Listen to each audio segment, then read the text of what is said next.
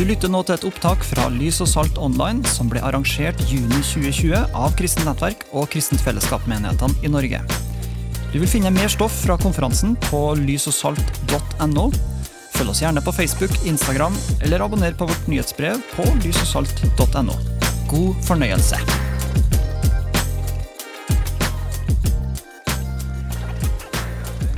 Paulus eh, forteller eh, at eh, vi har ikke en kamp mot kjøtt og blod, ikke mot mennesker vi slåss på noe vis, men mot makter og myndigheter, sier Paulus, mot ondskapens ånde her i himmelrommet.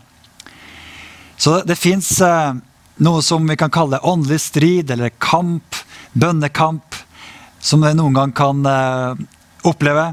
Det kan jo være Eh, Vi merker i livet ellers også at det kan være krevende tider iblant. Kanskje opplever vi stress eller tvil dukker opp. Press på ulike måter. Økonomiske utfordringer som plutselig dukker opp. ikke sant? Eh, andre ja, krevende relasjoner som kan være en, en blanding av eh, mange ting, men også eh, åndelig kamp. Og i dette her da, så trenger vi å Eh, Ta på oss Guds fulle rustning, sier Paulus. Og vi trenger å bruke de åndelige våpen vi har i den striden mot ikke mennesker, men mot uh, makter og myndigheter. Åndelige våpen. Og så står det da uh, om uh, en som heter Epafras i Kolossebrevet. Paulus skriver i Kolossebrevet 4 at Epafras, som er en av deres egne, hilser også. Han er en Kristi Jesu tjener og kjemper alltid for dere i bønn. Han ber om at dere må bli stående, eh, og stående fullkomne og fullt overbevist om hele Guds vilje. Så her er det altså en stridsmann, en epafras, som kjemper for menigheten i bønn. Han tar opp en kamp, en, en slags åndskamp, om det du vil.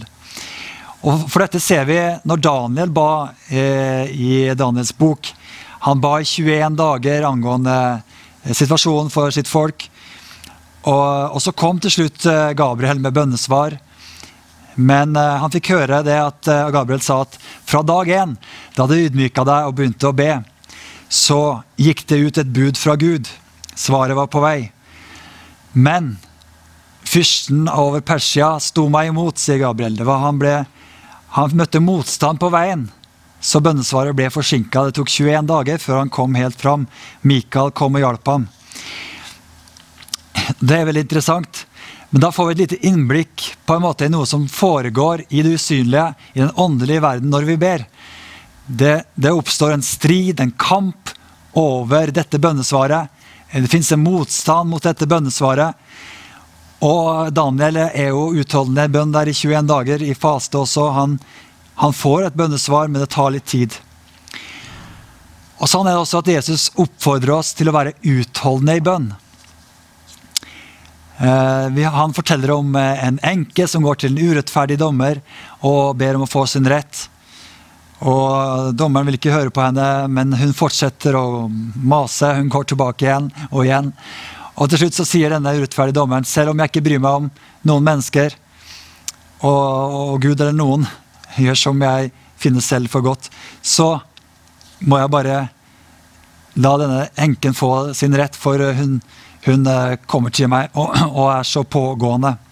Og så sier Jesus eh, på, måte, på samme måte at vi må be og ikke gi opp. Vi må være utholdende i bønn.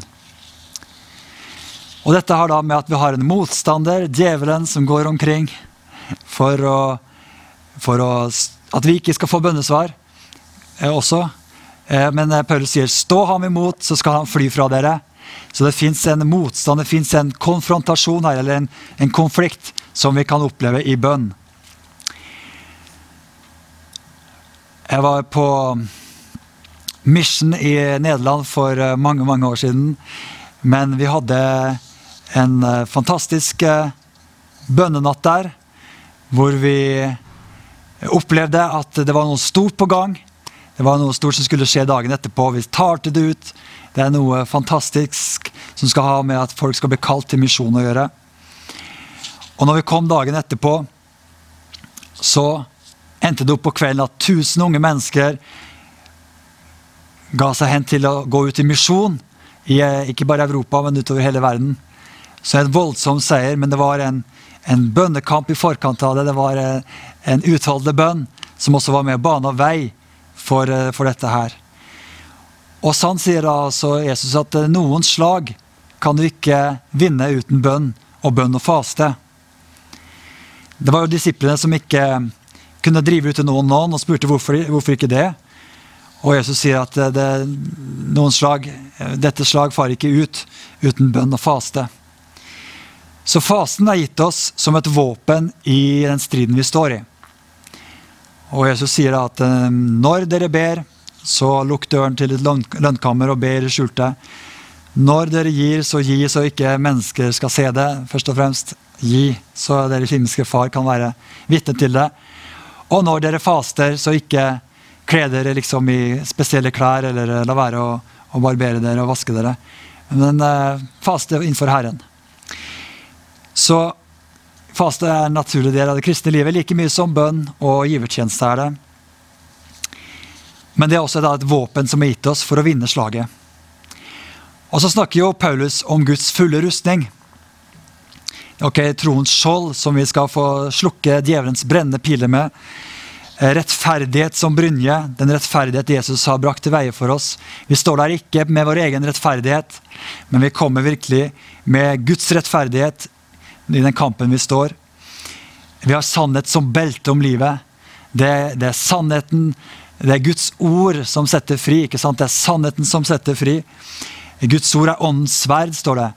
Det er med Guds ord vi fører eh, kampen som Jesus viste oss i ødemarken. Det står skrevet. Og vi kan eh, drive fienden tilbake. Og så står det da i åpenbaringsboken også at eh, lammets blod og vårt vitnesbyrd er det som gjør at vi seirer over djevelen. I kraft av lammets blod og det ord vi har vitna om. Så i, i, alt eh, vi står i, så tar vi tilflukt eh, til Jesu blod. Vi, tar, vi, vi, vil dekke oss og stå under, under hans fullkomne verk på Golgata kors. Eh, er hans blod som er utøst for våre synder. Og når vi ber for mennesker også, så ønsker vi å dekke, dekke de med Jesu blod, at, som renser for all synd, og som, som, som djevelen ikke kan stå seg imot. Det er kraft i Jesu blod og i Jesu navn. Og til slutt så, så leser vi andre krønikebok 20 om eh, Josafat som stilte opp lovsangene først i striden. Eh, og Gud vant kampen for dem mens de tilba Herren. Så betydningen av tilbedelse og lovprisning i den åndelige striden må vi bare minne oss selv på gang på gang at vi løfter blikket på Han. Det er ikke først og fremst eh, vår kamp, det er Guds kamp. Når, eh, når ondskapen herjer i samfunnet rundt oss, så vil Herren stride den, den, striden. Men vi kan få gi ham rom når vi løfter opp hans navn og vi tilber ham. Så får Gud rom til å gjøre det han skal gjøre, og vinne kampen. Og så kan vi få lov til å komme etter og, og som Josefat gjorde, og plyndre fiendens leir. Ta og bringe fanger ut i frihet som vi er kalt til å sette fanger fri også, og, og se mennesker frelst og disippelgjort. Men, eh, men at vi først og fremst har vårt blikk festa på Jesus, som er troens opphavsmann og fullender. Og så kan vi få samarbeide med han i forbønn, i profetisk forbønn, og bruke de åndelige våpnene vi har fått, og bruke Guds ord aktivt. Og så kan vi se at gjennom bønn kan vi vinne en, eh, en seier i, i den åndelige striden også, over landet vårt og over situasjoner som vi ber for. Så la oss benytte Guds fulle rustning. La oss benytte de våpen vi har fått. Og la oss gå ut i striden med frimodighet for å vinne seier og for å bringe Guds rike framover og ha framgang for evangeliet i vår generasjon.